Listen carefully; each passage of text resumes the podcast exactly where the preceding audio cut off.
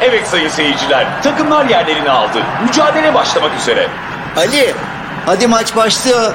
Geliyorum. Kaptan Santra'dan vurdu ve gol! Siz de Türkiye'nin ilk aracı kurumu yatırım finansmana transfer olun, maça 1-0 önde başlayın. Hem kampanya fırsatlarımızdan yararlanın hem de yatırımlarınıza değer katın. Yatırım Finansman. Değer katar. Yatırım Finansman YouTube kanalından herkese iyi akşamlar. Ali Ağoğlu ile birlikte bir kez daha buluştuk. Ali Ağoğlu ile hasbihal dedik. Ali abi hoş geldin. Hoş bulduk Barış. Nasılsın?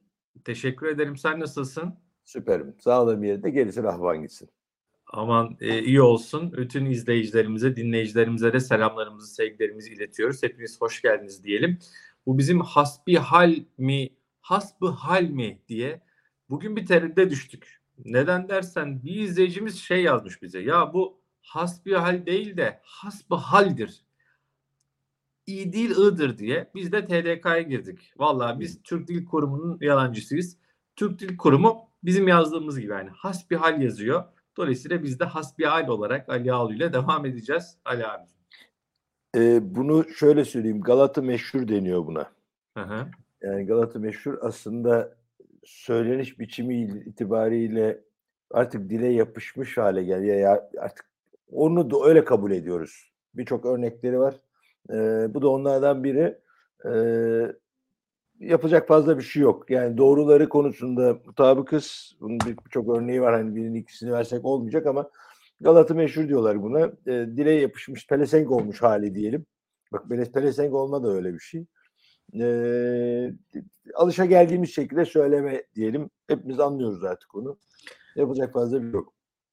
Peki. Ben e, takıldığım zamanlarda TDK Gov.tr en büyük yardımcımdır yani. Gider sorarım. Ne yaparım. Hatta Peki. kızımın adını da oradan bulmuştum. Bir Kızın adı neydi abi? Alisa. Alisa. Alisa.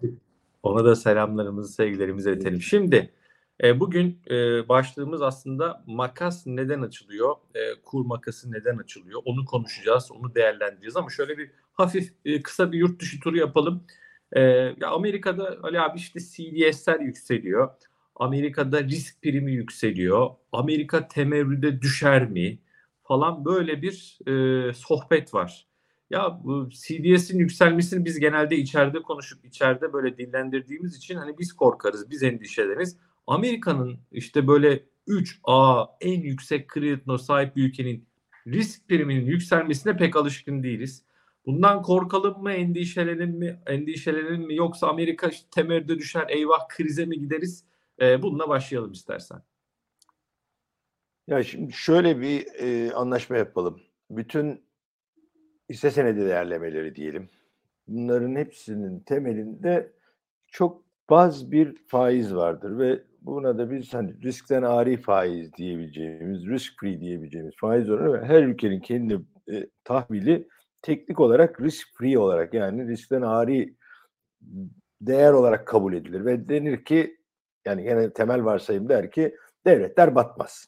Ha batmaz, batarlar da yani teknik olarak batmazlar ama e, bu Amerika için sıfıra yakın bir e, riskten ari oran. İşte Türkiye için şu anda 550 bas puan, Arjantin için 35 bas puan şeklinde, pardon 3500 bas puan şeklinde e, süre giden bir takım hesaplar var. Her, her ülkeninki farklı. Dünyanın en fazla kabul edilen e, riskten ari oranı Amerika'daki faiz oranları doğal olarak. Şimdi burada anlaşalım. E, Amerika batar mı batmaz mı tartışması bize düşmeyecek. Amerika bir süre daha devam edecek hayatına. Ha, şu soru gelirse onu belki tartışırız. Yani federal yapı bozulur bir iki tane bağımsızlık isteyen çıkar mı aralarında sorusu gelirse ona bir ara bakarız. Pek çıkacağını zannetmiyorum yakın zamanda ama gelelim CDS'lere yani CDS'lerle ilgili e, dönem daha önceki yükseliş birkaç defa daha yükseliş var ama bu onları da üzerine çıktığı için bu tartışma başlamış durumda. Ben çok fazla bu, bu tartışmanın hani Fed tarafından daha önceden de benzer durumlarda ne yapılabileceğiyle ilgili alternatifler hatta Powell'ın bu konuda bazı e, açıklamaları da olmuştu. Nahoş bazı e, alternatifler var. Yani bu o noktaya gelmeden onların bir kısmı devreye alınacaktır ki bunlardan bir tanesi aslında devreye alındı. Yani mevduat garantisi. Bu da nahoş çözüm, alternatiflerden, çözüm alternatiflerinden biri. Orada bir batış olacağını ben düşünmüyorum. Fakat burada hem Avrupa'da aslında 2008'den bu yana yaşanan, 1990'dan bu yana Japonya'da yaşanan benzer bir durum Amerika'da olur mu dersen nedir bu dersen 90'da e, Japonya'da özellikle gayrimenkulde başlayan çok büyük bir sıkıntı vardı ve orada da birçok e, Japon bankası iflas etmek zorunda kaldı. Çünkü inanılmaz bir gayrimenkul balonu patladı Japonya'da. Onlar da geldiler sağlam bankalarla çürük bankaları bir araya getirdiler. O gün bugündür de doğru dürüst şey e, Japon piyasaları belini doğrultamıyor. Yani o çok ciddi bir sıkıntı yarattı ve ben bunu ısrarla Avrupa için bir laboratuvar olduğunu ve Avrupa'nın da buradan biraz ders alması gerektiğini söyledim. Nedir Avrupa'nın ders alması gereken konu? Birazcık Amerika'ya bakmaktan bahsediyorum aslında. O da sorunlu aktifleri, özellikle bankacılık aktiflerini piyasadan çekmek. Amerika bunu yapıyor. 2008'de dikkat edersen, hatırlarsan yani bir tane Lehman batırıldı ama geri kalan işte Wells Fargo ile Bank of America birleştirildi. Wachovia bir şeyler yapıldı. Bank of, Bank of America Merrill Lynch oldu. Merrill Lynch oldu. Ee, birlikleri birleştirildi. Yani Wells Fargo, artık adını hatırlamadığımız bazı bankalar var.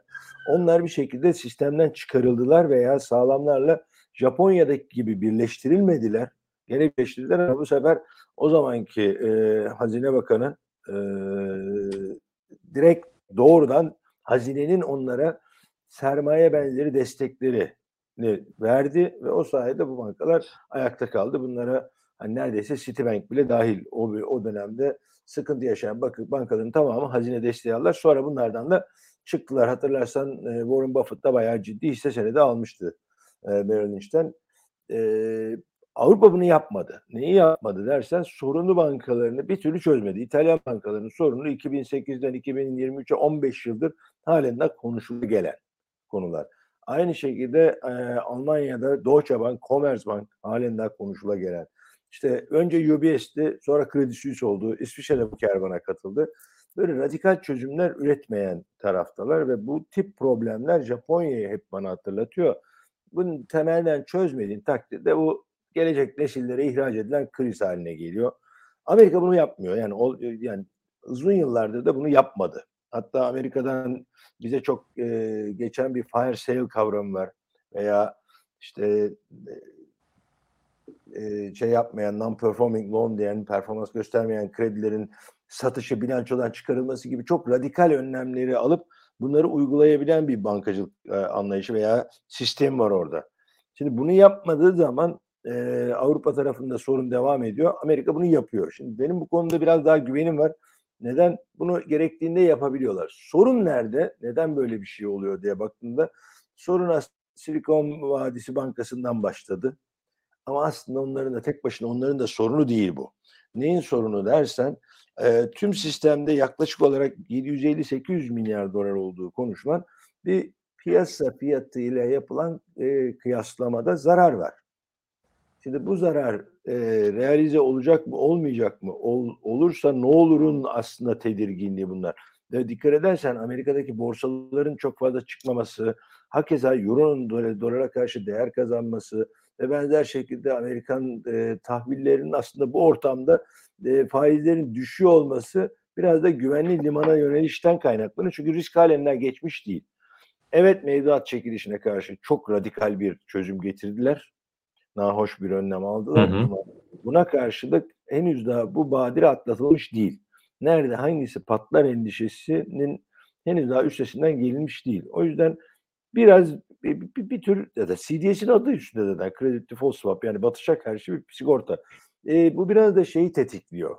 Yani bir başladı mı bunu e, VIX endeksinde görürdük borsa düşerken eskiden. Çok sık e, negatif tarafa geçtiğinde piyasalar e, işte Kalite endeksinde inanılmaz yükselişler olurdu. Şimdi tersine olay şeyde gerçekleşmiş durumda. Amerikan CEO'sinde. Biraz sürpriz mi? Bana göre biraz sürpriz. Bu kadar hızlı hareket ediyor. Bu kadar yükselmesi bana göre biraz sürpriz. Neden dersen gerek Amerika'daki endekslere baktığımda bu kadar büyük bir tedirginliği gerektirecek bir hareket yok. yok. Ya endeksler hatalı ya CDS hatalı. Şimdi CDS şu anda e, bence biraz hızlı hareket etti. E, çünkü o da alınıp satılabilen bir şey biliyorsun. Bir kısmı ya hiç Amerika batar mı deyip açığa satmıştır. Yani oradan açığa satışlar zarar etmeye başlayınca ya biz bir toparlayalım şunları kapatalım pozisyonları deyince Onlar bir talep doğurur. Bu birbirini besleyen bir negatif süreç haline gelir. Ben biraz ona benzetiyorum şu anda. Neden dersen ne dolar euroda o kadar büyük bir kırılma patlama çatlamalar. Amerikan borsa endekslerinde öyle. Bonolarda da evet bonolara bir e, ittifat var ve Amerika'daki bono fiyatları düşüyor. Ama ben bunun halen risk algısından biraz paralellik var ama CDS'teki bu kadar hızlı bir artışı destekler çok fazla emare görmüyorum en azından. Peki. Ben onun biraz pozisyonlamadan kaynaklanan bir artış gibi görüyorum şimdilik. Evet henüz. Ben de Fed e, gibi hata yapıp geçici diyebilirim buna bakalım. Onu da göreceğiz hep beraber ileride. evet Ali Ağlı Amerika batmıyor dedi falan. Vardı öyle böyle büyük cümleler. Ben, ben, ben kimim ki Amerika'ya batıyor diyeceğim. Yani zor dedim ya. E ama biz Türkiye'den hani tırnak içerisinde böyle sallıyoruz ya işte Almanya e, çok kötü işte Amerika şöyle böyle yani biraz kendimizi unutmak için bazen ya onlar da kötü falan diyebiliyoruz. Yok ben Pavl'a buradan bayağı bir e, serzenişte bulunduğumu hatırlıyorum. Yani o enflasyon geçici değil kalıcı.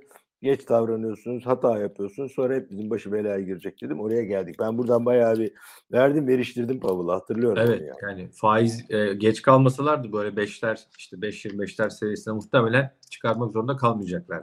Bir, böyle problemlerle de uğraşmayacaklardı. Evet. Yani bu Banka. onların Evet. Bu kadar hızlı hareket yani kısa sürede çok hızlı faiz arttırmaları bu bankaların bilançolarını çabuk düzeltmeleri, ayarlamalarına imkan tanımadı.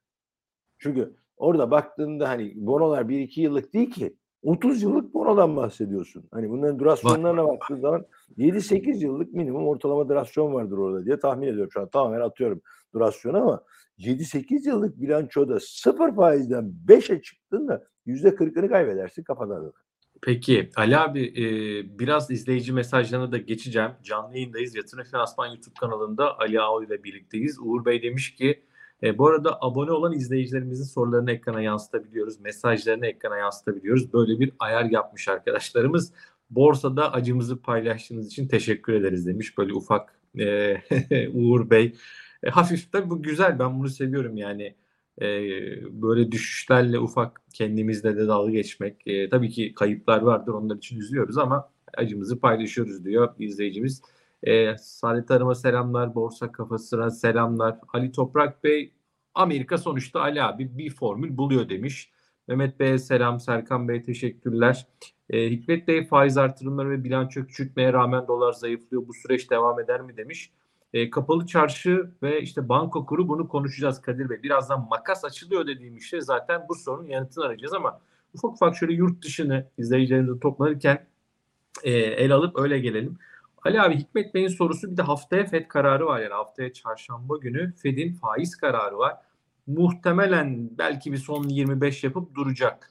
Ama piyasa faiz indirecek de onu da bekliyor. Sen FED'den ne bekliyorsun? Nasıl bir karar? Ya bu kadar ortalık karışıkken işte CDS dedik, borç e, tavanı, temerrüt korkusu falan filan banka meselesi yoksa hiçbir e, işte son artışı yapmadan bırakır mı? Bir FED e, yorumuyla yurt dışını tamamlayalım sonra içeriye şu makasa gelelim.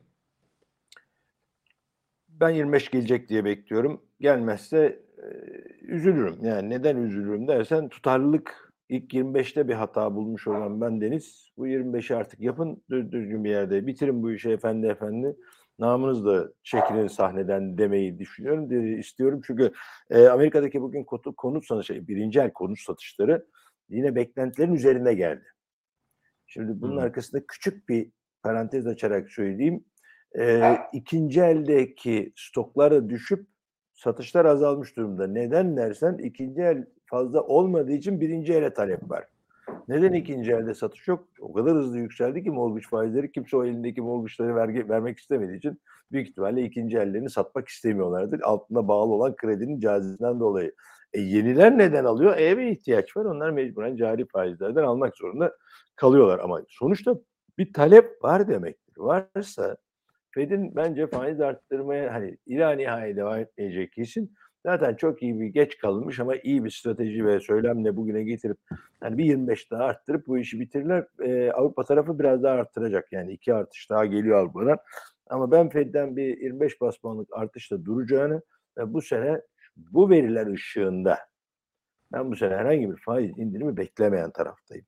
olursa Faiz indirimi gelmez diyorsun FED'den. ben gelmesini beklemiyorum. Hmm. Ee, olursa ancak Aralık ayının sonunda yeni yıla küçük bir mesaj olarak. Ama benim tahminim ve beklentim e, Fed'in bu faizleri uzun süre, uzun süreden kastım da mesela İngiltere'yi de ben bir taraftan izliyorum halen de çift hanede. Şimdi Avrupa tarafında enerji tarafını sübvanse ederek hallettiler. Ama gıda tarafını e, henüz daha Avrupa'da halledemedi. Amerika'da da benzer bir durum var. En azından Amerika'da hizmet rakamlar. enflasyonunu çözemedi. Evet. Yani burada yani toplam enflasyon içindeki payı olarak yüksek ve e, ki orası servis ekonomisi. Baktığında oradaki enflasyonu da henüz çözebilmiş değiller. İstihdam tarafı ve maaş verileri de henüz daha bir durgunluk emaresi göstermiyor. E geldik Nisan ayını bitirdik Mayıs ayına. Yani gitti 4 ayı kaldı 8 ayı. E 8 ayın e, bir ayında da bir buçuk iki ayında diyeyim son faiz artışıyla geçireceksiniz. 6 ayı gitti kaldı 6 ay. O 6 ayda çok hızlı bir resesyona girmesi hayli zor. Ha bu CDS oranları yani şu anda e, 140'larda 250, 300, 500 gibi arşalaya gidecekken o zaman başka bir şeyden konuşuruz. Ya da başka zaman- bir banka falan batarsa değil mi? Hani böyle Bir- adı tanı bilinen falan. Adı sana bilinenlerde ben bu mevduat tarafında e, çok fazla para çekilişi olmuyor Fed'den. Arada bir oluyor ufak tefek ama o ilk e, büyük hücumdan sonra büyük oranda yavaşladı. Bir de şunu da söyleyeyim. Genelde yani, e, ufak bankalardan büyüklere geçti galiba mevduatta. Mevdu, evet onu diyeceğim. Yani orada öyle bir sıkıntı oldu. Küçükler için sıkıntıyı da Fed'in bu e, şeyle açtığı bir yıllık pencereyle e, likitte sağladılar ama onu da bu sefer doğru yaptılar. Parasal genişleme değil bu. Sadece mevduat tarafına veriyorlar. E mevduat tarafına veriyorlar. Oradan çıkıyor da öteki tarafa parasal genişleme yaratmıyor mu?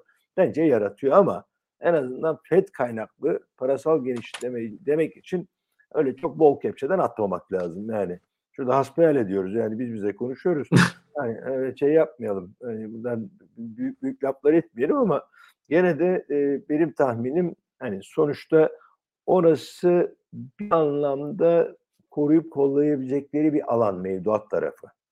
Onun dışında da diğer endişeler zaten e, ağır bastığı için borsalara yansıması. Ben endekslere bakarak söylüyorum bunu sadece. Evet. Diğer indikatörlerde benim için en önemli indikatör Amerika'da istihdam verileri ve gelir, maaş e, şeyleri, istatistikleri şu anda. Çünkü enflasyonla ilgili ve resesyonla ilgili en büyük şeyi onlar söyleyecek. Bilhassa ben öyle çok büyük bir e, dökülme, kırılma beklemiyorum Amerika'dan ama piyasanın beklediği gibi de resesyon ve diğer sebeplerle işte yılın son çeyreğine faiz indirimine girecek FED. Hayır buna şimdilik katılmıyorum. Peki. Şimdi içeriye doğru geçelim. Orada bir izleyicimiz Ali Ağlı ile 2012 yılında Galatasaray Üniversitesi'nde tanıştım e, demiş. Efendim e, Ali Ağlı 2000 dolar olmayacak mı demiş. Altın 2000 doları yani yıl belki 10 sene öncesini hatırlıyor izleyicimiz. Vallahi Ondan şimdi sonra? bir- şöyle bir anlaşma yapalım bütün izleyicilerle. Senin de bu kanalda da anlaşma yapalım. Hı. Bana soru sormadık, şey soru sorduklarında vade belirtmedikleri sürece kafama göre istediğim vadeyi söylerim. Anlaşalım. Yani o soru vadeli olmalı. Yani bir yıla, üç yıla, beş yıla, on yıla bir şeydir o. Ve ben bir yıl içinde 2000 dolar olmayacak diye yanıtı vermişimdir. Üç yıl içinde olmayacak demektir. İlla nihai tarih boyunca 2000 dolar olmayacak diyecek kadar ahmak değilim. Yok Ali Yani Ağlı onu yapmam. çıkmıştı diyor zaten.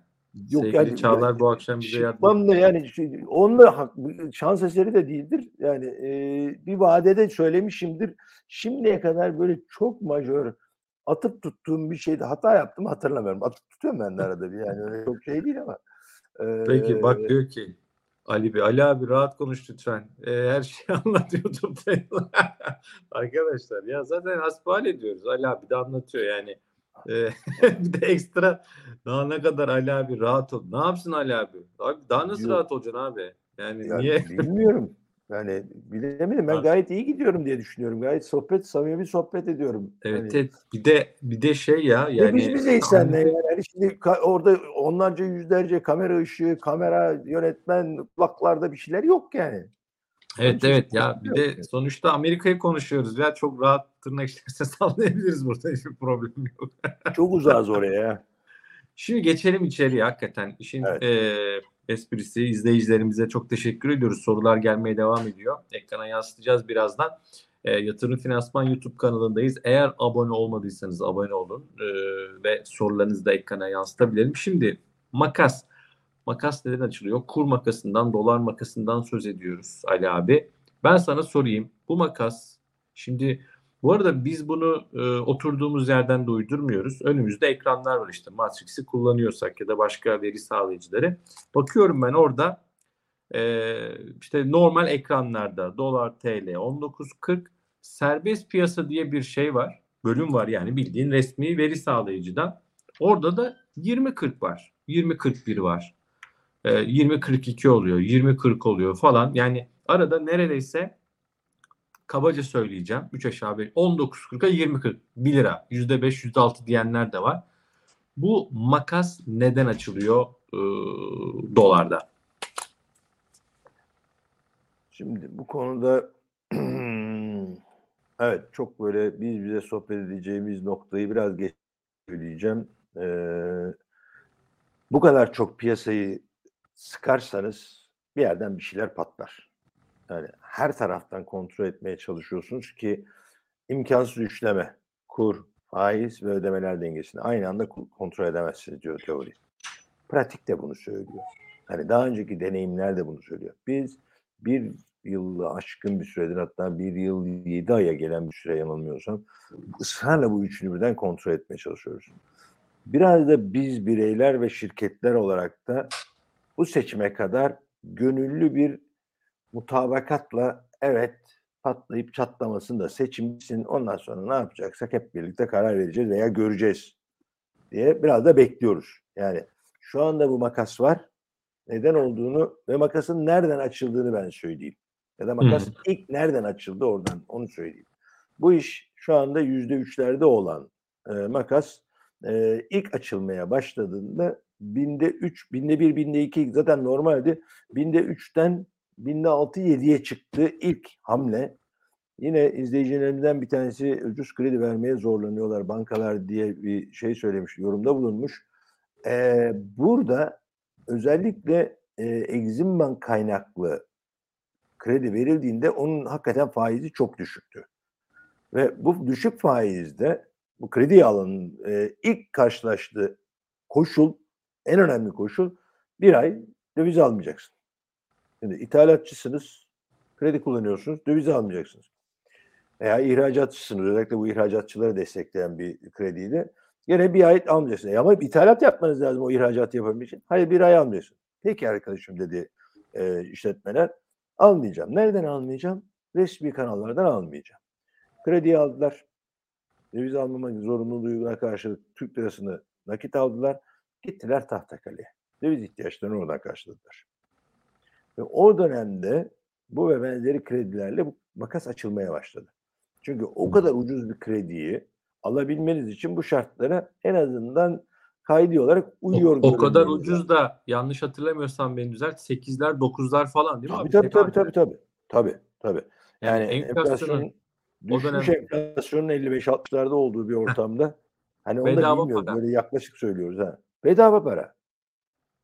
Yani bedava para. Yani hakikaten bedava para. Onu alabilmek için ihracatçılar hani bunu ithalat yapmak zorunda. ihracat yapabilmeniz için çok temel bir varsayımla anlaşalım. İstisnai şirketleri konuşmuyoruz. Çok nadir, ters veya garip örnekler de genelin eee, ne yansıtmak doğru değil. Onun için normalde Türkiye 100 dolar ihracat yapabilmesi için 70-72 dolar civarında ithal, enerji dahil ithalat yapmak zorunda. E, herhangi bir ihracatçı için bu ara mal, ham madde vesaire mutlaka ya dövize bağlı ya ithal, et, ithal ediyor. Ya ithal edenden gene döviz bazlı alıyor. Fark eden bir şey yok. Hı. E, sonuç olarak ihracat yapan birisinin bile gidip döviz alması gerekiyor. Ama o kuraldan ya da o bir aylık süreden dolayı mecburen bankadan krediyi kullanıyorlar. Karşılığında TL'yi alıp götürüp Tahtakale'den veya diğer kaynaklardan diyeyim ama Tahtakale'den döviz alıyorlardı. İlk makas buradan açıldı. Yani buradan açılmaya başladı. Doğal olarak Tahtakale'de bunu kullanmaya başladı. Sonrasında bir sonraki aşamada da Merkez Bankası döndü bankalara eee, dedi ki bireylere satacağınız dövizin fiyatı yüksek olsun. Onu da bir şekilde sözlü olarak anlattı bankalara. Bu da bir makasın bir parça açılmasına sebep oldu. Ve son üçüncü aşamada da Merkez Bankası bankalara dedi ki siz her gün şu kadar döviz satabilirsiniz. Bunu ister bireylere ister şirketlere satın ama şu kadar, şu kadarlık bir döviz satabilirsiniz dedi. Bankalar da mecburen buna uyunca çok ilginç bir manzara ortaya çıktı. Bankaların hazineleri günde 15 dakika çalışmaya başladı. 10-10 çeyrek arasında limit tükeniyor. Yani alan aldı, alamayan bekliyor bir sonraki gün. Bu da bunlar sözel yani değil mi? Yani bir resmi Tabii düzenleme sözel. Yani, Yani sözel. Yani falan bir yok gördüm. E, bu da böyle bir düzenleme yapmaz, yapmıyorsunuz, yapmazsınız. Özellikle seçim öncesinde yapmazsınız. Yani bu düzenleme e, rahatsızlık verici. Dördüncü sebebini de söyleyeyim. Makasın açılmasının.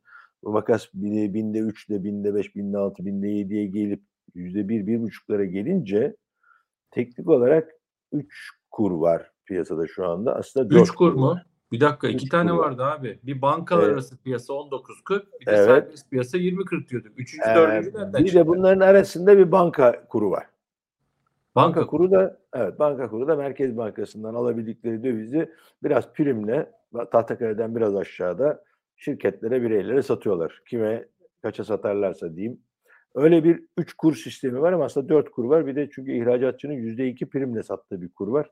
O da Tahtakale'nin altında kaldığı için bu sefer onlar götürüp Tahtakale'de satmaya başlamışlar. Tahtakale bu arada gene ilginç bir şekilde efektif çalışıyor. Yani alım satım spreadi farkı çok az. Yani ben bugün konuştum. Ee, 20-40, 20-50 yani 20-41, 20-47, 20-46 yani çok dar bir spreadle çalışıyor Tahtakale aslında. Yani verimli çalışıyor. Onlardan yine eskilerinden bir tanesi benim e, çok yıl, uzun yıllardır tanıdığım bir dostumu aradım bugün bu sohbet öncesinde. Hı hı. O da ilginç bir şey söyledi. Ee, Alivresi spotundan daha aşağıda bir kur mu olurmuş dedi. Ne dedi? Alivresi. Alivre yani Fransızca bir kelime. Hani bize onların gelesiye diye kullandıkları aslında forward. Yani aslında Hmm. bizim bugünkü anlamda VIOP. Şimdi baktığında Haziran kontratı hemen bakalım. Haziran kontratı pardon özür diliyorum. Çok özür diliyorum. Yakın vade e, kontratı neredeymiş? E, Mayıs ayının 20.48.50. Yakın vade kontratı şeyin e, şey Mayıs kontratı Nisan kontratı e, doların çok özür diliyorum. Doların Nisan kontratını göremedim. Mayıs kontratı 20.48.50. Yani bir buçuk ay sonra pardon bir yıl dört gün sonraki bir kontrat bugünkü spot piyasasına eşit. Hiç mi faiz yok bu orta Türkiye'de? En azından şu anda iş gören faizler 30-35 bölgesinde. Yani bunu da eklediğin zaman ciddi bir fark çıkıyor ortaya Hmm. ciddi derken e, buna karşılık e, şeyin Mart kontratı 19.41'lerdeydi bugün. 19.40 pardon 47'lerdeydi. Çok özür diliyorum. Tabii, e, 20. tabii biz şu anda Nisan kontratından bahsediyorum. Nisan kontratı 19.47'lerdeydi. Ya 19.47 Nisan kontratı ki Alivre dedikleri forward kontratı e, şeyden spot piyasasından fiyatından daha düşük. Sorun şurada o vadeli kontratı aldığınız zaman vadesi geldiğinde o fiyattan o doları alamayacaksınız şu anda alamıyorsunuz. Böyle bir sıkıntı var. Bir şey soracağım Ali abi. Ya bu kadar tahtakale şöyle tahtakale böyle yok işte e, kutularla niye kutu değil ne diyorlar onlara? Kasalarla, çuvallarla. Ha, kasalarla dolar taşınıyor. Şöyle dolar geldi, böyle dolar çıktı. O oradan dolar oluyor. Herkes da- ya öyle bir şey hava oldu ki abi Türkiye'nin yani e, FX piyasasının merkezi Tahtakale gibi. Ya ben e, yıllar ya yıllar önce öyledir muhtemelen ama işte böyle televizyonlarda izlerdik. Böyle büyük telsiz telefonlarla aldım sattım. Böyle bir fiziki imza falan yoktur ya da alımsa şey yoktur yani. Hiç takas yoktur yok. Değil mi? Aldım aldım. Bitti. Tabii, Bu kadar. tabii. Söz. Ha, sözdür orada, senettir. E şimdi mesela ben bir, birkaç yıl önce gittiğimde orada sinek avlanıyordu neredeyse. O döviz piyasasının olduğu dönem bir sokaktır yani orası. Ee, Köşedir o. Çok kıy- kıymetli bir köşedir orası. evet. Şimdi Tabii. ne oldu ya bu kadar öyle dolar yığdı, böyle dolar çektiler. Ya bu biraz abartıyor muyuz Ali abi? Yani yoksa Barış gerçekten ya yok büyük şirketler orada, yok kamu oradan aldı falan. Biraz böyle tahtakale bir efsane haline mi dönüşüyor e, böyle dönemlerde? Ama sen bugün konuştum da dedin belki biraz onu e, şey yapalım. E, ne dersin? Ya şimdi şöyle, evet biraz efsane haline dönüşüyor. Ee, neden diyeceksin? Tahtakale'deki işlem hacmi aslına bakarsan Türkiye'nin ihtiyacını karşılamaktan kesinlikle ve kesinlikle çok uzaktır. Türkiye gerçekten Yani. büyük bir ekonomi ve Abi e, çok büyük dev şirketlerimiz var ya. Sen de evet işte o, onlardan o bir dev tane. Yani şirketler Tahtakale'ye sığmaz. Tahtakale o şirketlerin ihtiyacını karşılayamaz. Anlaşalım. Yani yani sakız parası falandır ya abi. O, o kadar da Tahtakale'yi küçümsemeyelim ama yani Tahtakale o ihtiyacı karşılayamaz. Kolay kolay yapamaz o işi. Yani öyle bir ne misyonu var ne fonksiyonu var ne yeteneği var. Yani evet başarılıdır ama orada işlem gören hani e, bir işlemde deyin ki sana 1-2 milyon çok rahatlıkla yaparlar ama 5 milyonu çok zor yaparlar hemen dediğin zaman. Gün içinde evet yaparlar, hallederler ama onlar gelesiye derler. Onu bilir misin bilmiyorum hiç. Gelesiye lafını bilir misin? duydum. Tahtakale, Tahtakale'nin forward'ıdır o. Hı. Ama onların gelesiye dedikleri bir saate gelesiye, öğleden sonra gelesiye, yarına gelesiye, pazartesiye gelesiye gibi böyle saatlerle gelesiye. Gelesiye dedikleri o saate göre kur istiyorlar. Bir saat sonra parayı vereceğim. Bir saate göre forward Hmm. yapıyorlar. Yani saatlik forward yapabilirsin Tahtakale'de. Ee, öyle bir esnekliği vardır onların ama gene de işlem hacmi anlaşalım şeyi karşılamaz. Buna karşılık şöyle bir durum var. Döviz piyasasında yani formal döviz piyasasında bankalar arasındaki piyasadaki işlem hacmi çok küçüldüğü için çok daraldığı, ufaldığı için Tahtakale kıyaslanır gibi oluyor. O da bence sorun değil. Yani bunu da genişletirsin. O da sorun değil. Sorun nerede? Sorun tıpkı enflasyonla mücadele konusunda olduğu gibi şimdi kur konusunda da bir tabela faizi var. Bir iş gören faiz var. Bir tabela kuru var. Bir iş gören kur var. Bunların ikisinin farklılaşması büyük bir problem yaratıyor. Yine enflasyonla mücadele olduğu gibi algı yönetimi. Çünkü enflasyonla mücadelenin ilk ve en önemli kısmı enflasyon beklentilerini yönetebilmektir. Bu konuda Türkiye Cumhuriyeti Merkez Bankası'nın iki başkanı benim yani çok e, iyi hatırladım. Hatta bir tanesi hakkında çok uzun süre birkaç defa da değişik e, platformlarda fırsat e, bulup söyledim.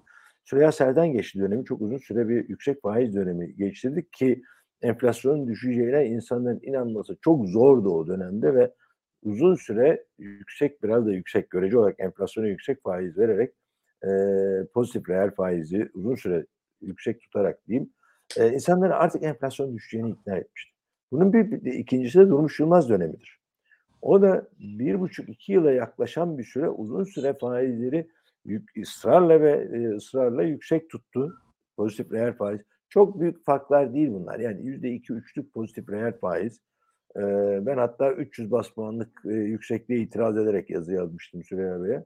E, şu anda böyle bir enflasyonla mücadeledeki o algı yönetimi gibi döviz tarafında bir algı bozulması var. Yani biz enflasyon rakamlarıyla ilgili e, güvensizlik duyuyoruz. Şimdi bir de işin içine kur tarafı girdi. Ya Sorun, şöyle Tahtakale'deki bir fiyatın artık fiyat olarak kabul edilip insanların akıllarına nakşedilmesi. E, piyasalardaki en büyük problemdir nakşetme. Şöyle herkes ya şimdi yorumlara bakıyorsun yabancı yatırım bankalarının raporlarına şöyle diyorlar. Cumhur'da kazansa, millet de kazansa seçim sonucu ne olursa olsun kur yukarı gidecek. Şimdi böyle rapor yazıyorlar. Herkesin şeyinde ne derler algısında seçimden sonra kurun yukarıya gideceğine ilişkin bir kabul ol- oluştu. Bu yukarı gitmek patlayacak çatlayacak anlamında değil ama e, şöyle bir bunu da söyleyelim hani hasbihal ediyoruz ya seçime kadar kur tutuluyor. Yani kurun üstünde bir baskı var bir dolu regülasyonla. Seçimden sonra kur e, bir miktar belki yukarıya doğru gidecek. Bu öncüsü de işte bakın da Tahtakale'de bu oluyor diye e, hani böyle bir sanki algı bu süreçte de böyle bir hava algı oluştuğu için de ve bir dolu regülasyon geldiği için de hani böyle efsane ne derler kendini doğuran kehanet gibi oluyor. Ya işte kur kurla ilgili bir dolu düzenleme, regülasyon gelince herkes de ya bu regülasyon da geldi, kur yukarı mı gidecek? Aa bak şu adım da geldi, şu sınırlama da geldi. Ee, şöyle bir düzenleme acaba kur yukarı gitmesin diye mi? Böyle diye diye belki hani almayacağın şeyi baştan alırsın ya hiç talep etmeyeceğim bir şey dur ben de alayım ya falan dersin. Böyle bir hani algıyı sen çok daha güzel anlatırsın. Yani para politikası, ekonomi politikası, bu algı, bu havayı yönetmek e, çok önemli. Bence biraz böyle bir hava oluştu. E, yani ne olursa olsun kur yukarı gidecek gibi bir hava var. Ve ben bugün e, BlackRock'ın sanırım Ekonomi Gazetesi'nde bir yorumu vardı. TL diyor ki hala değerli diyor, aşırı değerli. Yani e, biz enflasyon kadar kurun yukarı gitmesine izin vermiyoruz. E, TL değerli diyorlar. E, yukarı tahmin de yine bugün var. Böyle bir havaya e, bu, bulaşmış durumdayız. Seçimden sonra peki Ali abi sence bu tahta kale ile bankalar piyasa bir yerde buluşur mu? Belki bunu. iki bu makasın açılıyor olmasının ne gibi riskleri olur? Ee, bunu konuşalım. Şimdi e, hemen son sorudan başlayayım. Çoklu kur. Şimdi bugünlerde gene gündeme geldi. Arjantin'de 17 tane kur var. Benim en son saydığım 17 taneydi. Hı hı. Yani 1 dolar pezonun 17 değişik kuru var. İşte ithalatçının kuru farklı, araba ithalatçının kuru başka, farklı, ihracatçının kuru başka, başka e, petrol ihraç edenin kuru başka vesaire vesaire. 17 değişik kur var. Şimdi bizde de 4 kur var dedim. Sen dördüncüsünü duymadın biraz evvela. Yani 3 kur dedim. Birincisi Merkez Bankası'nın tabela kuru. ikincisi tahtakale kuru. Üçüncüsü bankaların bunların ikisinin arasında bir yerde oluşan banka kuru var. Bir evet. dördüncü kur var. O yüzde iki. Ee, söyledim onu pardon ama yüzde iki ihracatçının kuru. Ya bizde de şimdi resmi olarak iki tane kur açıklanıyor resmi. Bir tanesi açıklanıyor, ötekisi hesaplanıyor. Normal ihracatının yüzde iki primli kuru. E, tahtakale bunun üzerine çıkıyorsa eğer burada bir problem var. Yani bir kere ondan anlaşalım. Ee, ikincisi şimdi bu yani e, bence hepsinin temelinde nakşetme dedim ya biraz evvela. Bizlerin kafasında hani senin söylediğin o bütün o önlemler A iki tane sorunu var o önlemlerin. Bir çok hızlı geliyorlar, çok çabuk uygulanmasını istiyorlar. Buna piyasanın kendini adapte etme zamanı neredeyse kalmıyor. Bir şey çalışmayınca da yeni bir düzenleme daha geliyor. Bu kadar çok düzenlemenin arasında herkesin endişe ettiği senin söylediğin gibi Aa bu önlem işe yaramadı yeni bir tane daha getirelim dediklerinde burada ortada bir panik mi var? Bir problem mi var edası oluşuyor. İkincisi de hem bunlar sık geldiği için hem aradaki makas açıldığı için bizim aklımıza karpuz kabuğu düşüyor. Öyle evet. bir risk mi var diye. Şimdi piyasaları yönetmek her zaman söylerim. Bir zanaatkar inceliğinde yapılması lazım. Yani bir sanatkar diyemeyeceğim ama bir zanaatkar bayağı evet. ince ince ince ince dokunması gerekiyor. Hakikaten bir zanaatkar, işin arbabı bir zanaatkar edasıyla yönetilmesi gerekiyor. Öyle çok böyle hani e, yürüt hareketlerle çok sert hareketlerle bu işi yaparsanız yanlışlıkla bir şeyleri kırıp döküyorsunuz. Hani onunla ilgili ben bir tweet atmıştım. Yani e, çok fazla kurcalamayacaksınız. İyi bilmiyorsanız çok fazla kurcalamayacaksınız. Bozarsınız demiştim. Yani bunu bilmek bilmeme değil. Yani o zanaatkar ustalığına erişmediyseniz biraz Zanaatkarlardan biraz e, tavsiye dinlemekte de fayda var. Yani onlar da alınmış derslerin bir kısmını sizinle paylaşırlar. Hani çok bunu kör gözün parmağına yapmayın dediğiniz bazı şeyler hakikaten dinlemekte fayda var. Neden? O biraz evvel okşun nakşetme hikayesi. Tahtakaya şimdi şöyle düşün. Arada şu anda yüzde üç fark var diyelim. E yani yarın öbür gün yüzde on üç, yüzde yirmi üç, yüzde otuz üç fark olmasının önünde bir engel var mı? Bir kere kafayı açtın mı ayağa işe konuldu mu hadi sıkışta kapat. Başka bir problem daha var. Çıktı mı fark bir yüzde üçe hadi indir bakalım 2.99'a. Böyle bir sıkıntılar var. Ve senin de bildiğin gibi piyasaların çok klasik bir şeyi vardır. Bir fiyat, bir herhangi bir e, şey, e, finansal ürün bir fiyat gördü mü onu bir daha görür der. Unutmaz değil mi? Unutmaz der. Yani böyle bir problemimiz var. Yani makas açıldı açılmadı meselesinden çok o sürecin hakikaten dediğim gibi bir zanaatkar inceliğiyle yönetilmesi gerekiyordu. Şu anda o incelikten biraz uzaklaşmış durumdayız. Seçim paniği de veya seçimin artık çok yakın zaman çok az bir zaman kaldı ya bir ha, de. Yani, yani, değil mi? Ama kırıp dökmeden bir seçime kadar gidelim meselesi var. Herkesin, Şimdi herkesin şey bu ha. Hani sen diyorsun evet. ya şirketler de bu bu dönemde hani ya tamam hadi onlar da böyle ayak uyduruyor. Gönüllü olarak diyelim. Gönüllü, Gönüllü olarak. olarak. Yani herkes hayırlısıyla hakikaten şu seçimi bir görelim. Evet. Sonucu görelim. De ne yapılacaksa hani ne yapılacaksa derken hani böyle bir o şey değil. Yani para politikasında, ekonomi politikasında kararlar verip uygulanması ne yapılacaksa dediğimiz o hani böyle olağanüstü bir şey yapmaktan bahsetmiyoruz ama yani seçime kadar bu böyle idare edilsin. Evet, şimdi seçimden sonra buluşurlar. Biraz, biraz evvel senin söylediğini cevap vermek için şey yaptım. Hani seçimden sonra kur faiz ikisi birden artacak diyenlerin ilk e, elebaşılarından biri benim yanılmıyorsam.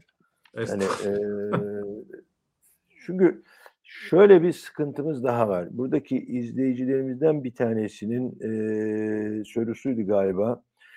E, sanayiciler yükselsin istiyor diyor. Aslında Heh. sorun şurada. Evet, ihracatçılar istiyor. Evet, şimdi Doğru. sorun şurada. Şimdi bunu anlaşalım. Şimdi enflasyonu belli bir platoya getiremedik. Şu anda enflasyon düşüyor ama baz etkisinden dolayı düşüyor. Kırklara yani düşecek çok, diyorlar. E, baz etkisinden dolayı düşüyor. Yani özellikle kur, ha bu arada benim iyi bir haberim var izleyenlere. Benim ıspanak ceviz endeksi enflasyonu çok düştü. Yani pazardaki benim ıspanak ceviz endeksi bayağı enflasyonu yani art, enflasyon oranı düşmeye başladı. Hatta ben 40'lar olursa ne iyi derim ama ben e, özellikle deprem e, harcamaları nedeniyle 40'ları yakalamamız zor. Ve yine dediğim gibi baz etkisinden dolayı olsa da deprem harcamaları nedeniyle enflasyonda biz yeniden yükseliş göreceğiz. Ama seçimden sonra bu iş hangi e, kim kim kazanırsa kazansın millet ya da cumhur fark etmiyor. Her ikisinde de bunların artması gerekiyor. Bir enflasyonla mücadele adına. Eğer şu andaki tabela faiziyle iş gören faiz arasındaki fark bu kadar büyürse bu iş başka problemleri beraberinde getirecek. Orada da Mehmet Şimşek gibi bir e, daha ortodoks yaklaşımları benimseyecek tarafların e, ekonomi yönetiminde olup evet faizler düşsün düşmesi hepimizin istediği bir şey ama bunun enflasyonla birlikte düşmesi lazım. Onu paralel götürmemiz lazım. O da maalesef ortodoks politikaları gerektiriyor. Diğer taraftan sanayici tarafında ve özellikle ihracatçılar tarafında kurun artması gerekiyor. Neden artması gerekiyor? Şu anda Türk lirası değerli değersiz meselesi bir tarafa yani efektif döviz kuruna baktığımız zaman e, tartışma biraz daha Türk lirası değersiz noktasına geliyor ama e, ihracatçılar için başka bir problem var. Özellikle üfe tarafında yani son bir buçuk yılda üfe tarafında aldıkları darbeyi ne fiyatlarına ne yansıtabildiler ne de kur üzerinden onun bir kısmını telafi etme şansları oldu. O yüzden bizim döviz dengemizin en temel girdisi ihracat tarafında yaşayacağımız bu ve benzeri problemler önümüzdeki dönemde ihracatçıların ihracattan vazgeçmelerine dahi sebep olacak.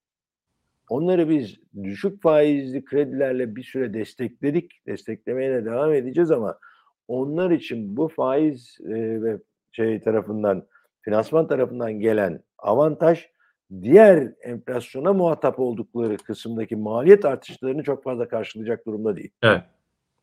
O yüzden orada bir kurda bir düzeltme olması ihracat için bile maalesef Peki. gerekiyor. Ee, biraz izleyici mesajlarına şöyle bakalım sorulara da ufak ufak belki yanıtlarız. Ee, Yatırım Finansman YouTube kanalında The Ali Ağaoğlu ile hasbihaldeyiz efendim. izleyicilerimizin soruları mesajlarını da alıyoruz. Yatırım Finansman'a YouTube kanalına e, abone olmadıysanız ücretsiz bir şekilde abone ol tuşuna basın. Yayınımızı beğenin, paylaşın beğenince yayınımız daha da öne çıkacaktır. Ee, şöyle İbrahim Yüzeroğlu demiş ki Barış abi sanayicinin enerji külfeti Aralık ayına göre %60 düştü. Bunu kimse konuşmuyor demiş mesela. Ee, enerji indirimleri geldi değil mi Ali abi? Doğru. Bu önemli bir konu. Evet konuşulması gereken bir konu.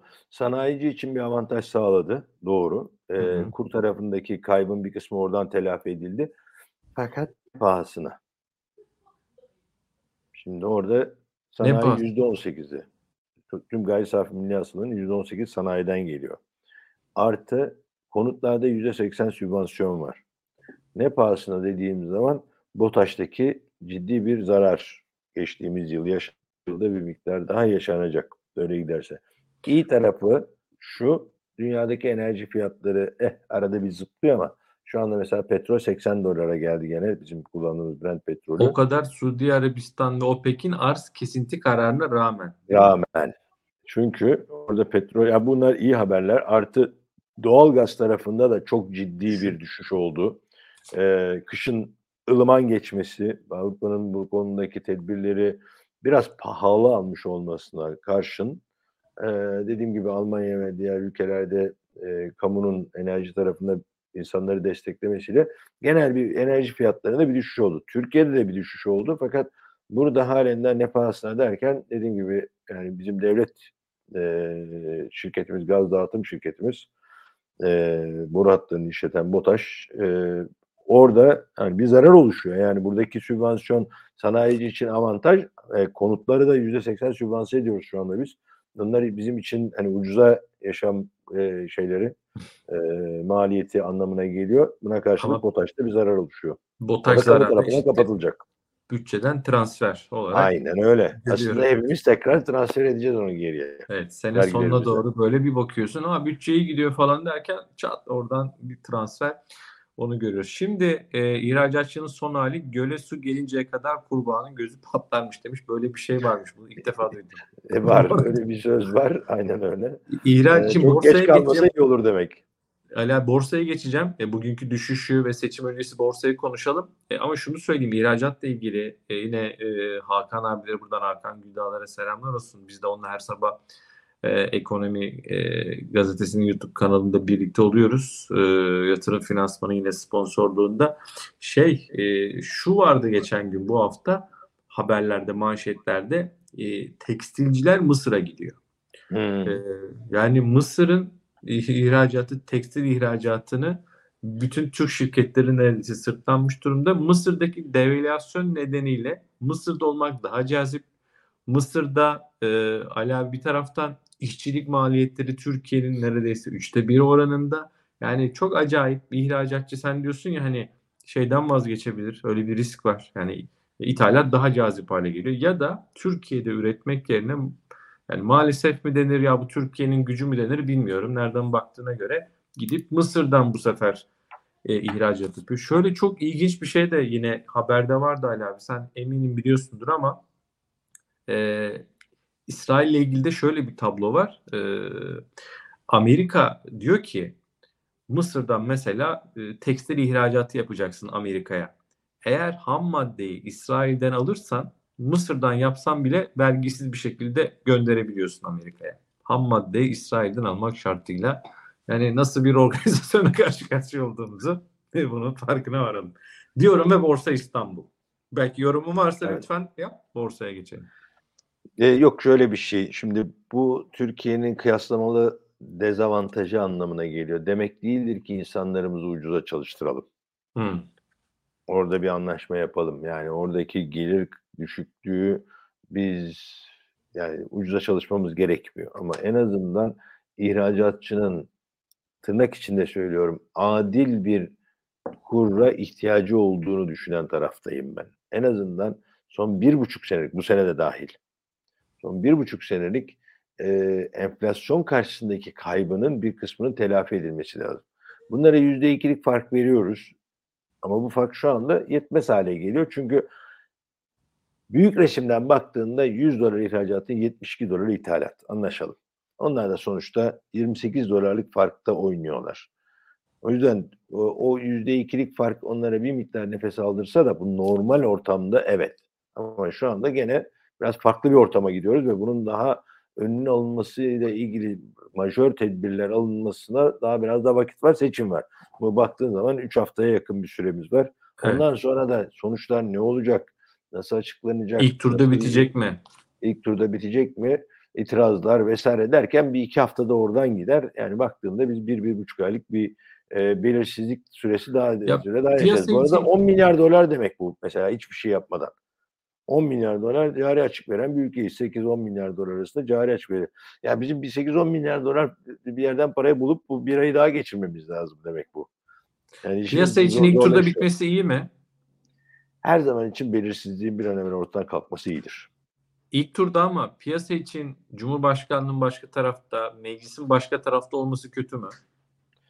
Ya ben Türkiye'nin eee, çok şaşıracaksın. eee, ben hani 80 darbesinde üniversiteye başlamış birisi olarak söyleyeyim. Hı hı. Eee, ben de kuvvetli iktidarlarla yönetilmesinin doğru olduğunu düşünürdüm eskiden. Hı. Bugün de benzer şeyler düşünüyorum ama konsensüs olmasının belki de makul bir koalisyon olmasının yeni dönemi daha iyi geçirmemize yardımcı olabileceğini düşünen taraftayım. O yüzden bir tarafta Cumhurbaşkanlığının bir ittifakta, meclisin başka bir ittifakta olması beni çok rahatsız etmeyecek. Abi Çok ne güzel. aksine. Böyle bu akşam hasbihal diyoruz ya. Ya hı. ne kadar senin munis mi derler böyle iyi niyetli. yani Neyse. beni Allah da seni güldürsün Ali. Ya, ama yok bu, bu, bu benim benim tercihim bu. Ya bu, Ya bu ideal. doğrusu nedir konusunda herkesin doğrusu farklı. Bu benim tercihim.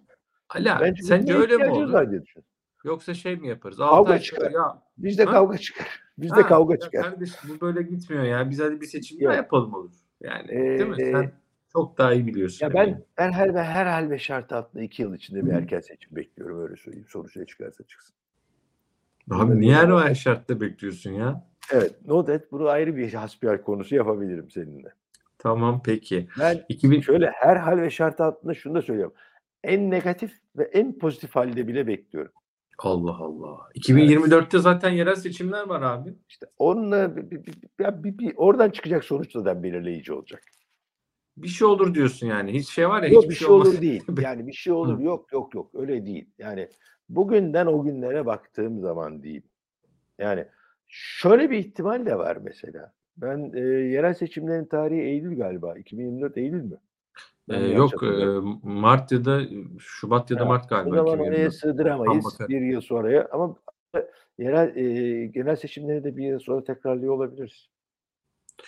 Peki Yani hala bunu bir kenara not ediyorum. Hiç hiç ihtimal dahilinde değilken artık benim için ya benim kişisel analizlerim bana böyle bir ihtimalin olduğunu söylüyor. 31 Mart 2024 gözüküyor. Mart 2024. Yani neden biliyor musun? Ya bu ikinci seçim ihtimali falan varsa abi bunu da yapalım bitirelim ya gözünü seveyim. Daha seçim yapmadık. Bunu yapmadık. Bunu da yapalım mı? Yani nasıl bir seçim varsa yapalım bitsin. Ali abi bu arada bir hasba maşallah güzel sohbet devam ediyor. Şu izleyicilerimizin de baktan bir borsa sorusu Borsa İstanbul seçimi. Adil fiyat çok sormuş bu arada. Ali Toprak Bey, Can Güngör Bey, adil fiyat Ali abinin mesela adil fiyat hesabı nedir? Adil fiyat hesabım çok basit. Son bir buçuk yıldaki Hı. açıklanan enflasyon. Bak açıklanan enflasyon diyorum yani şeyden vazgeçtim. Bırak piyasadaki enflasyonu. Ben hani e, hissedilen enflasyondan bahsetmiyorum ya da hayat pahalılığından bahsetmiyorum. Açıklanan enflasyon Amerika'daki enflasyon farkının arasındakinin temizlenmiş olması. Şimdi bunun hesabını herkes kendi açısından farklı yapabilir ama çok zor bir hesap değil bu. Son bir buçuk yılın diyorum bu burada. Niye Yani bir ondan önceki işte ondan önceki çok mu doğruydu kuru seviyesi adil miydi? Ben bilmiyorum. Orada en azından ihracat ithalat dengemiz yönetilebilir seviyedeydi. Şu anda önümüzdeki dönem için risk ve bu riski biz Hakan Güler'le sohbetlerimizde 7-8 ay öncesinden konuştuk.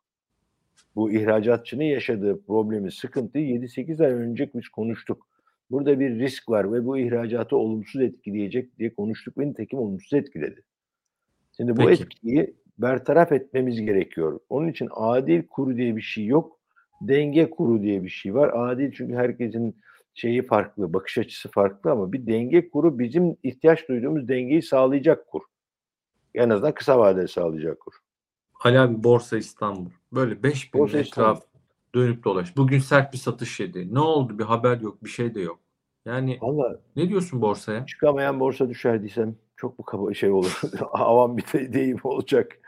Şimdi şöyle bir şey söyleyeyim. Ben e, borsada Bilanço şunu- dönemi de başladı, başlıyor bu arada. Yani e, şöyle söyleyeyim. Bizim borsamız 16 Şubat'ta açıldığında 16 Şubat'ta bir tedbirle açıldı.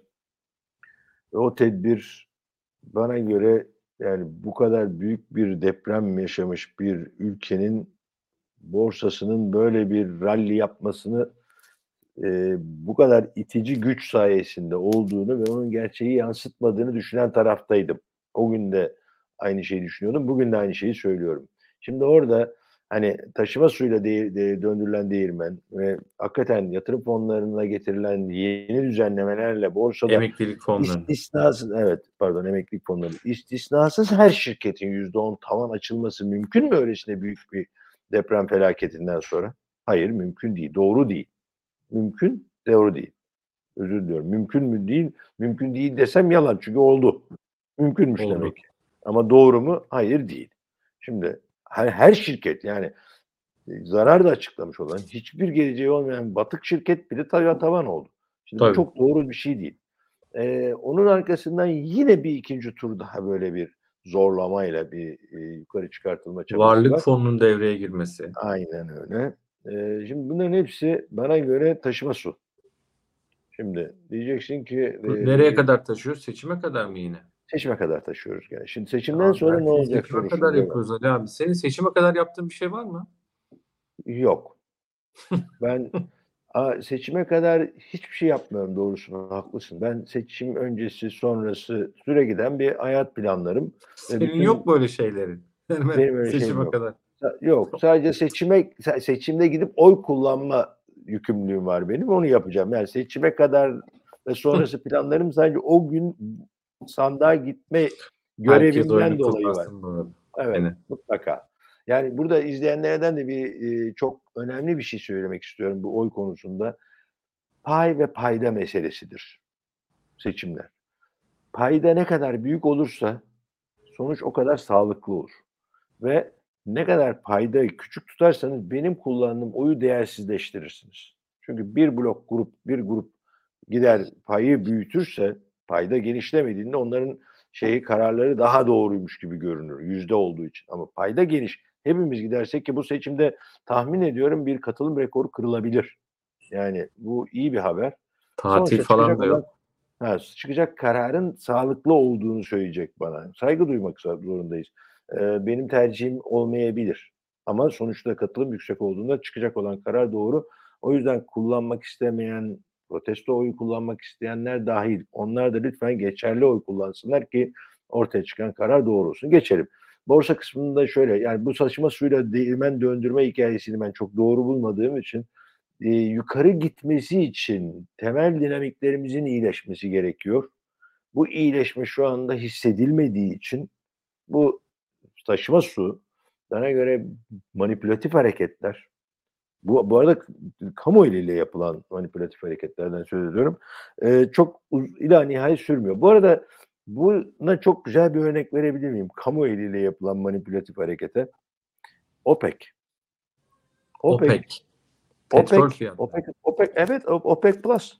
Yani OPEC Plus hepimiz ben dahil birçok insanı şaşırtan bir pazar günü kararıyla hemen gününü de söylüyorum buradan. Plus Rusya bu arada. Plus değil mi? Rusya. Evet. Ee, 31 Mart kapanışında 77 dolardan 79.8 dolardan kapatmış olan Brent petrolü hemen ertesi günü yani 3 Nisan günü bu ayın başında e, 90. OPEC'in kararıyla pazartesi günü 82.3 dolara en düşük 85.2 dolar 85.3 dolara çıkmış.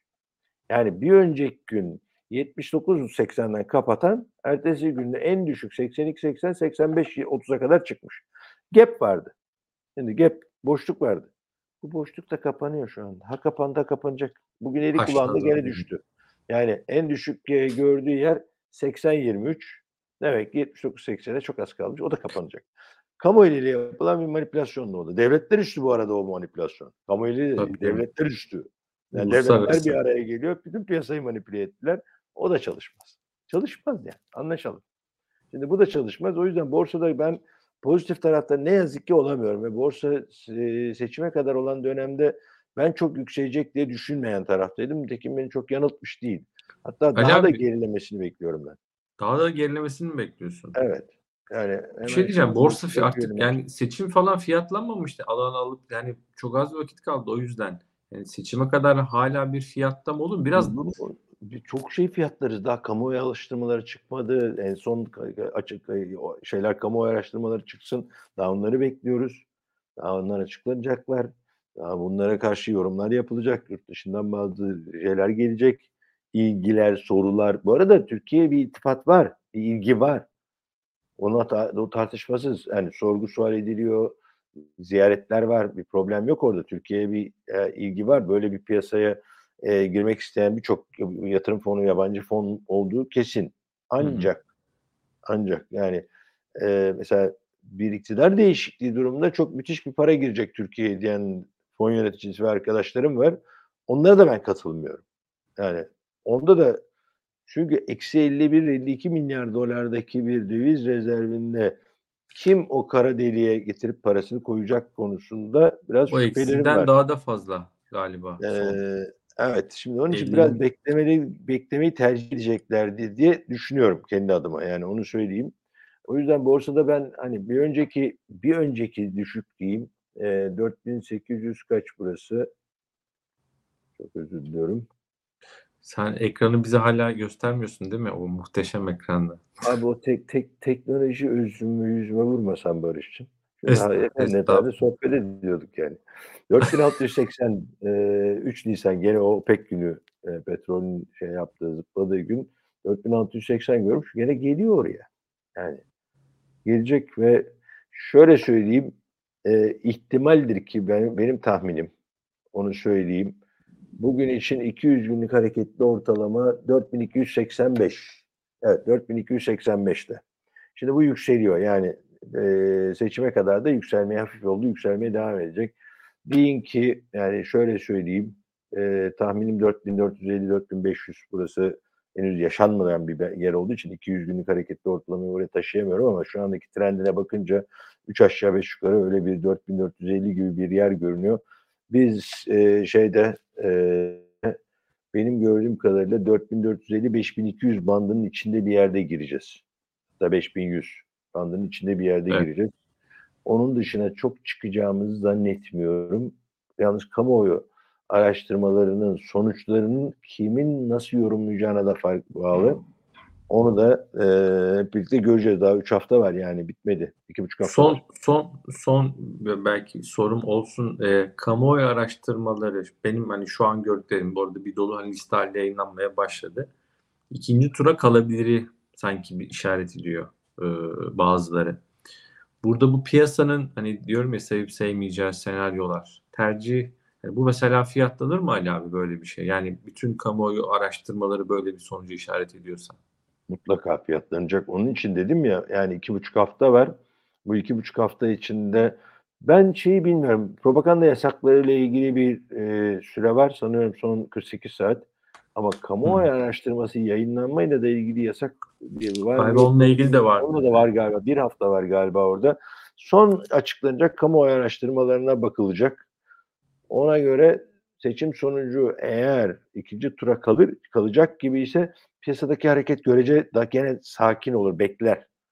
İkinci tura kalacak gibi olursa ama bir ikinci tura kalacak gibi sakin bir fiyatlamayla seçime gireriz. Seçimin sonucu bir tarafın kazandığı net bir sonuç olarak ortaya çıkarsa o hızlı fiyatlanır. Yani seçim sonrasında. Olumlu Ben yönde mi? buradan e, efendim Olumlu yönde mi hızlı fiyatlanır? Yo yo. Orada anlatacağım. Tam onu söyleyecektim. Ee, yani burada ağırlıklı olarak bireysel yatırımcıların bizleri izlediği varsayımıyla konuşuyorum. Yani kurumsal yatırımcılara ben akıl verecek halim yok. Onlar kendi akıllarını kendileri üretiyorlar zaten. Diğer arkadaşlarımız da mutlaka üretiyorlardır da. Ben bir tecrübe paylaşmak açısından söylüyorum. Yine bu hasbihalin bir parçası olarak. Ee, Hı hı. ben ne bir gün önce ne seçim günden bir gün sonra yani on, ne 12 Mayıs ne 15 Mayıs piyasada olmamayı tercih ederim. Ve özellikle bireysel yatırımcılar için söyleyeyim. Mümkün olduğu kadar 15 Mayıs'ta işlem yapmayı gerektirecek bir pozisyonda girmesinler seçime. Bu seferki seçim sonrasında fiyatlamaların sert olabileceği iki, iki, yöne de düşebilir, çıkabilir. Şimdi bu, bu o yüzden hani ne yönde olacağını önümüzdeki kamuoyu araştırmalarından az çok kestireceğiz gene mutlaka ama çok hızlı işlemlerin döndüğü, çok sert hareketlerin olduğu bir gün olabilir. Mümkün olduğu kadar açıkçası söylemek gerekirse e, teknolojinin bu kadar önde olduğu, e, algoritmik trading'in ve özellikle high frequency trading'in bu kadar önde olduğu bir teknolojik ortamda bireysel küçük küçük tuşlara basarak girilecek emirlerle yani korkarım ki ayak altında ezilirler. Yani iyisi mi o gün bir işlem yapmayı gerektirmeyecek pozisyonda seçimden önce bir gün önce fazla bir işlem yapılmamasını ve seçim günü de çok ortalıklarda Peki. ayak altında dolaşılmamasını öneririm. Bu arada bir yatırım finansman gibi bir aracı kurumunun e, web sitesinde işlem yapmayın arkadaşlar kenarda çekilin dur- durun demek de biraz abesle iştigal ama şimdi ben benim görevim size komisyon kazandırmak değil yani. Üzgünüm. Aynen aynen. Yok abi biz zaten öyle dediğin için sen de olan yayınımızı sonlandırıyoruz. Evet. Bu son yayınımızdan sonra seninle kahve içmeye gideriz. Yok abi bizim hem e, hani zaten birbirimizi yıllardır biliyoruz, tanıyoruz senin e, yaklaşımını. Sağ olsun yatırım finansman da bize bu imkanı sağlıyor. E, hep birlikte e, dilimiz döndüğünce anlatmaya çalışıyoruz doğruları. E, burada amaç zaten hem finansal okuryazarlığa katkıda bulunmak. Yoksa burada yani insanlara, bizi izleyenlere yatırımcılar hadi işlem yapın falan, hadi şunu alın, uçacak kaçacak falan. Böyle bir zaten hasbahalin içeriğine de yakışmaz. Son Bir, bir izleyicimizin sorum güzel şu bir hatırlatması var. Özür diliyorum. Piyasada Hı. olmam derken işlem yapmam derseniz daha iyi olurdu demiş. Ee, haklı. Ondan önce bir pozisyon ama yani ben kendimi doğru ifade ettiğimi düşünüyorum. Onu bir gün öncesindeki yani seçimden bir gün önce de işlem yapmam. Seçimden sonraki gün de işlem yapmam. Ama bu benim yatırım yapmadığım, pozisyon almadığım anlamına gelmez. Veya ben almıyorum pozisyon ama bireysel yatırımcılar için de neyse pozisyonları diyelim ki perşembe günü pozisyonunuz neyse lütfen salı gününe kadar sabredin. Bu- Bunu söylüyorum ben. tamam. Yani piyasada anlaşıldı. bir işleminizin olmaması, portföyünüzün olmaması demek değil. Ali abi şu. Son sorum olsun izinle. Bu arada izleyicilerimize çok teşekkür ediyoruz. Sağ olun. Muhammed Bey Barça turu yaramış diyor sağ olsunlar. Ee, bir Barça Sagrada Familia Aa, Barcelona, Barcelona. evet. Ee, Gaudi dünyasına Yok. gittik geldik. Şöyle Ali abi. Şöyle kafalarda soru işareti var. Son sorum olsun. Kurla ilgili.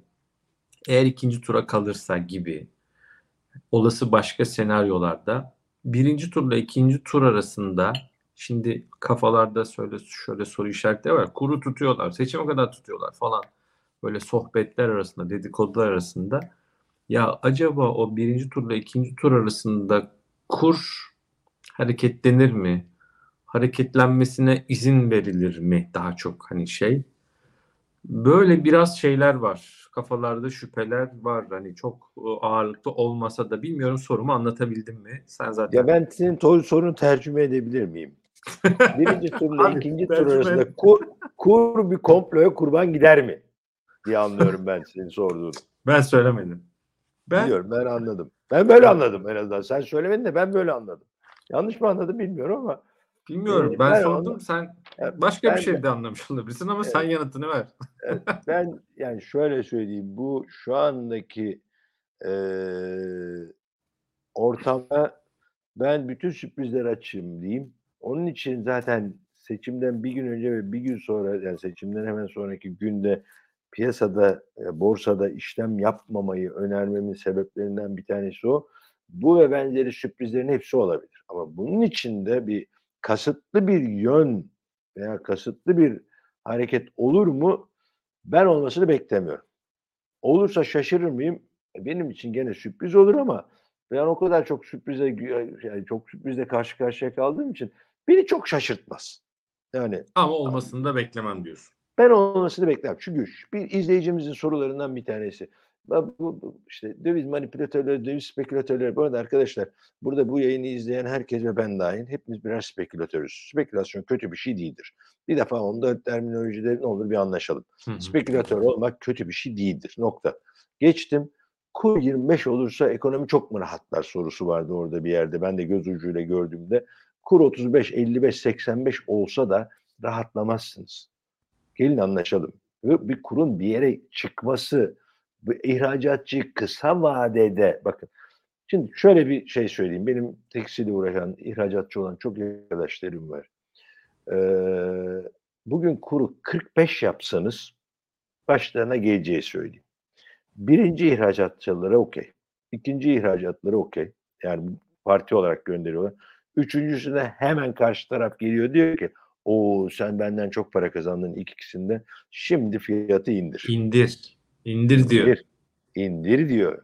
Şimdi hal böyle olunca aslında kurla sağlanan rekabet avantajı çok uzun süre sürdürülemiyor. Ve onu demiyorum hiçbir zaman. Burada bizim için dengeye yakın bir kur. O dengeye yakın kurun ne olduğunu bir seferde bulamayacağız. Ama Kur sorunları çözmez. Doğru politikalar Çok- yok, sorunları. kesinlikle çözmez. Yani kesinlikle çözmez. Yani şöyle şu çözer benim problemimi ve piyasanın problemini çözer. Yeknesaklaşmış bir faiz ve artık bugünden itibaren aynı şeyi de söylemeye başlayacağız. Yeknesaklaşmış bir kur işimizi çözer.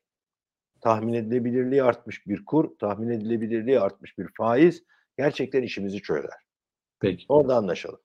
Ali abi şimdi biz bu programı e, burada hakikaten tam bir hasbihal oldu. Bizim o aslında bizim tadımız oldu. Yani sen çok güzel İspen'in programını ilk konuşmamızda, telefon konuşmamızda koydun. Ve böyle o tadı böyle tam bir hasbihal. Benim çok içime siniyor. O yüzden ağzına sağlık. Ben, ben de teşekkür ederim Barış. İzleyicilerimiz için çok teşekkür ediyorum. Biz 15 günde bir yapmaya çalışıyoruz. Ali abi ama şuna da açık yani Barış olağanüstü bir olay olur. Ali abi seninle konuşmak istiyorum dersin. Tabii ki Barış Evet, yaparım evet, dedi. senin. Ama normal şartlarda biz devam edersek Ali abi 2 Mayıs'ı geçip 9 Mayıs'ta program yapacağız ve seçim tam seçim öncesine gelecek. Seçim öncesi hafta. O programı da çok merak ediyorum. Vallahi ben de merak ediyorum onu Barış çünkü o zamana kadar derinin çöpün altından çok sular akacak dereden. Yani çok şey değişecek. Yani Peki. ben artık şey diyemiyorum. Yani e, bu arada sadece Türkiye'de değil dışarıda da ilginç şeyler oluyor. Yani bunları çok fazla konuşmuyoruz ama Hı hı. özellikle benim en e, dikkatle izlemeye çalıştığım İran'la Suudi Arabistan'ı Çin barıştırıyor. Tabii tabii. Aynen. Mesela biz kendi içimizde seçime çok fazla gark olduk Ee, ve yani tek pek dışarıya bakmıyoruz gibi görünüyor ama ben de diyorum ki içeride bir şeyler oluyor. Az çok ben onların ne olduğunu biliyorum ama dışarıdakileri takip, yakından takip etmezsem çok önemli şeyleri ıskalayacağız diye düşünen taraftayım ve ben mümkün olduğu kadar o tarafa da bakmaya çalışıyorum. Hakeza Ukrayna-Rusya savaşı, onun bir problemleri vesaire bir Rusya ziyaretim oldu. Oradan böyle ilginç anılar ve şeyler geldi, bilgiler geldi. Oradaki dostlarla sohbetler sırasında başka şeyler oluyor. Olacak yani önümüzdeki dönem seçimden sonra bizim Türkiye'de her şey güllük gülistanlık olacağını kim seçilirse seçilsin bu arada. Hiç beklemiyorum çünkü bize dışarıdan gelecek çok fazla etkili olacak. Yani önümüzdeki Peki. dönemde. Ali abicim çok teşekkürler. Ağzına sağlık, emeğine Ben sağlık. teşekkür ederim Barış'ım. İzleyicilerimize çok teşekkür Umarım ediyoruz. sıkılmamışlardır. Yok ben vallahi çok tadı çok güzeldi. İzleyicilerimizin güzel mesajları da var. Onlara da çok teşekkür ediyoruz. Ee, programın altına YouTube kaydına yorum yapabilirsiniz. Beğendiyseniz beğenebilirsiniz. Eğer abone olmadıysanız Yatırım Finansman YouTube kanalına abone olabilirsiniz. Yayınlarımız devam edecek. Ee, güzel bir akşam diyorum Ali abi. Tekrar ağzına sağlık. Allah'a ısmarladık. Ben teşekkür ediyorum. Sağlıklı herkese.